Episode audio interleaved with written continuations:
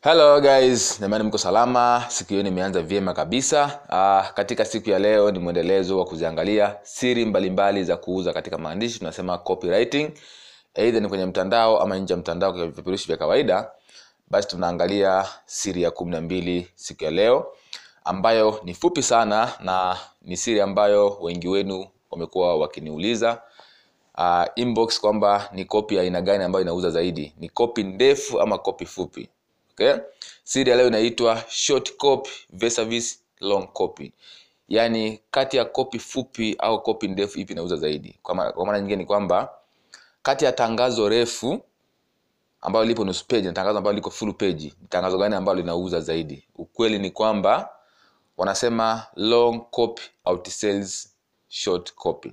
Yaani kopi ndefu au tangazo refu linauza zaidi kuliko tangazo fupi mtu aliyeandika tangazo li- limeishia nusu page aidha ni kwenye mtandao ama ni nje ya mtandao kwenye vifurushi vya kawaida na mtu aliyeandika tangazo limejaa page nzima. Mwenye uwezekano wa kuuza zaidi ni yule mwenye tangazo refu zaidi ambalo limejaa page nzima kuliko yule mwenye tangazo ambalo liko nusu page. Kwa sababu gani? Kwa sababu iko hivi. Kama alivyosema kwamba tangazo lako ni mtu wako wa mauzo. Yaani unapoandika tangazo ni sawa- kama unamtuma mtu wako aende akuuzie bidhaa ama huduma yako. Yaani tangazo ni mtu wako wa mauzo. Tunasema your ad is your sales person yaani mtu wako tangazo lako ni kama mtu wako wa mauzo umemtuma aende akakuuzia bidhaa yako kwa wateja. Kwa hiyo iko hivi. Mteja anayekaa uh, muuzaji anayekaa na mteja dakika thelathini akiongea naye kuhusu bidhaa ama huduma ni tofauti kabisa na muuzaji ambaye anakaa na mteja dakika tano akiongea kuhusu kuhusu bidhaa ama huduma. Kwa sababu gani? Kwa sababu anayekaa na wewe dakika thelathini atagusa vitu vingi zaidi na atajua tatizo lako kwa undani zaidi kuliko mtu aliyekaa na dakika tano. Kwa sababu aliyekaa na dakika tano atapush kuuzia bidhaa kuliko kufocus kwenye ku- ku- kujua wewe na tatizo lako jinsi ya kukusaidia. Hivyo hivyo na katika tangazo lako. Tangazo lenye vitu vingi au lililoandikwa tangazo refu ni kwamba lina vitu vingi vya kumshawishi mteja kuliko tangazo fupi.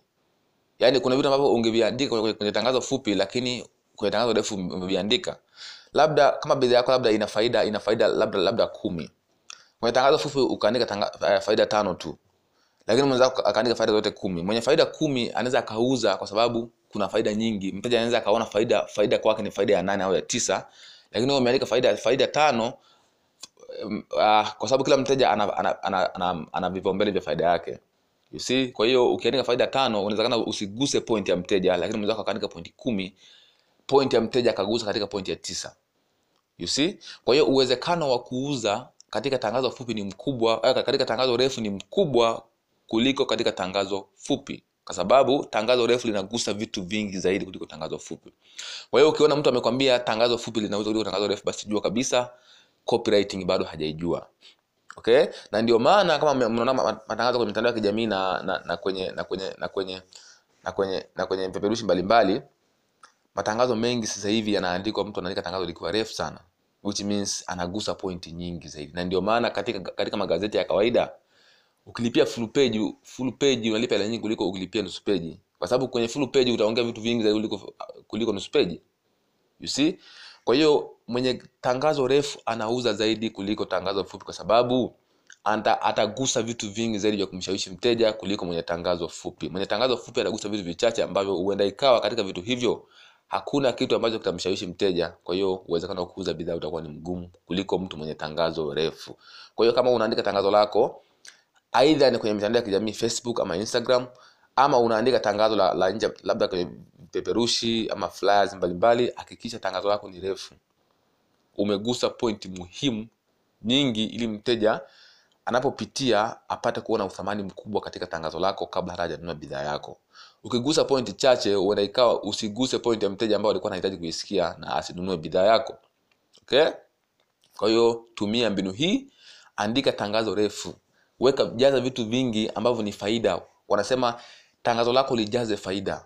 Jaza faida nyingi kwenye tangazo lako. A- a- kama ziko faida kumi ziweke zote. Huwezi jua ni faida gani ambayo itamlenga mteja na akaja kununua bidhaa ama huduma yako. Sasa unakuta mtu bidhaa ina, ina, ina, ina faida ina faida kumi afu inaweka faida tatu au faida nne hapa una, kuna, kuna wateja unawakosa kwa sababu unakaa faida ambayo ungeiweka ya nane ndio ingempush mteja kuja kununua bidhaa lakini hujaiweka pale. You see? Kwa hiyo tangazo refu linauza zaidi kuliko tangazo fupi. Long copy out sales short copy. Kwa hiyo tangazo refu linauza zaidi kuliko tangazo fupi. Andika tangazo refu lenye ku, lenye kugusa faida nyingi za bidhaa ama huduma yako. Uta, lina ushawishi mkubwa kuliko tangazo fupi na tangazo lako lijaze faida za bidhaa ama huduma yako ambazo mteja, atazipata baada ya kununua bidhaa ama huduma. Hiyo ndio siri ya wauzaji wengi katika matangazo mbalimbali. Mbali. wanajaza faida nyingi kwenye, mata, kwenye matangazo yao kuliko washindani wao.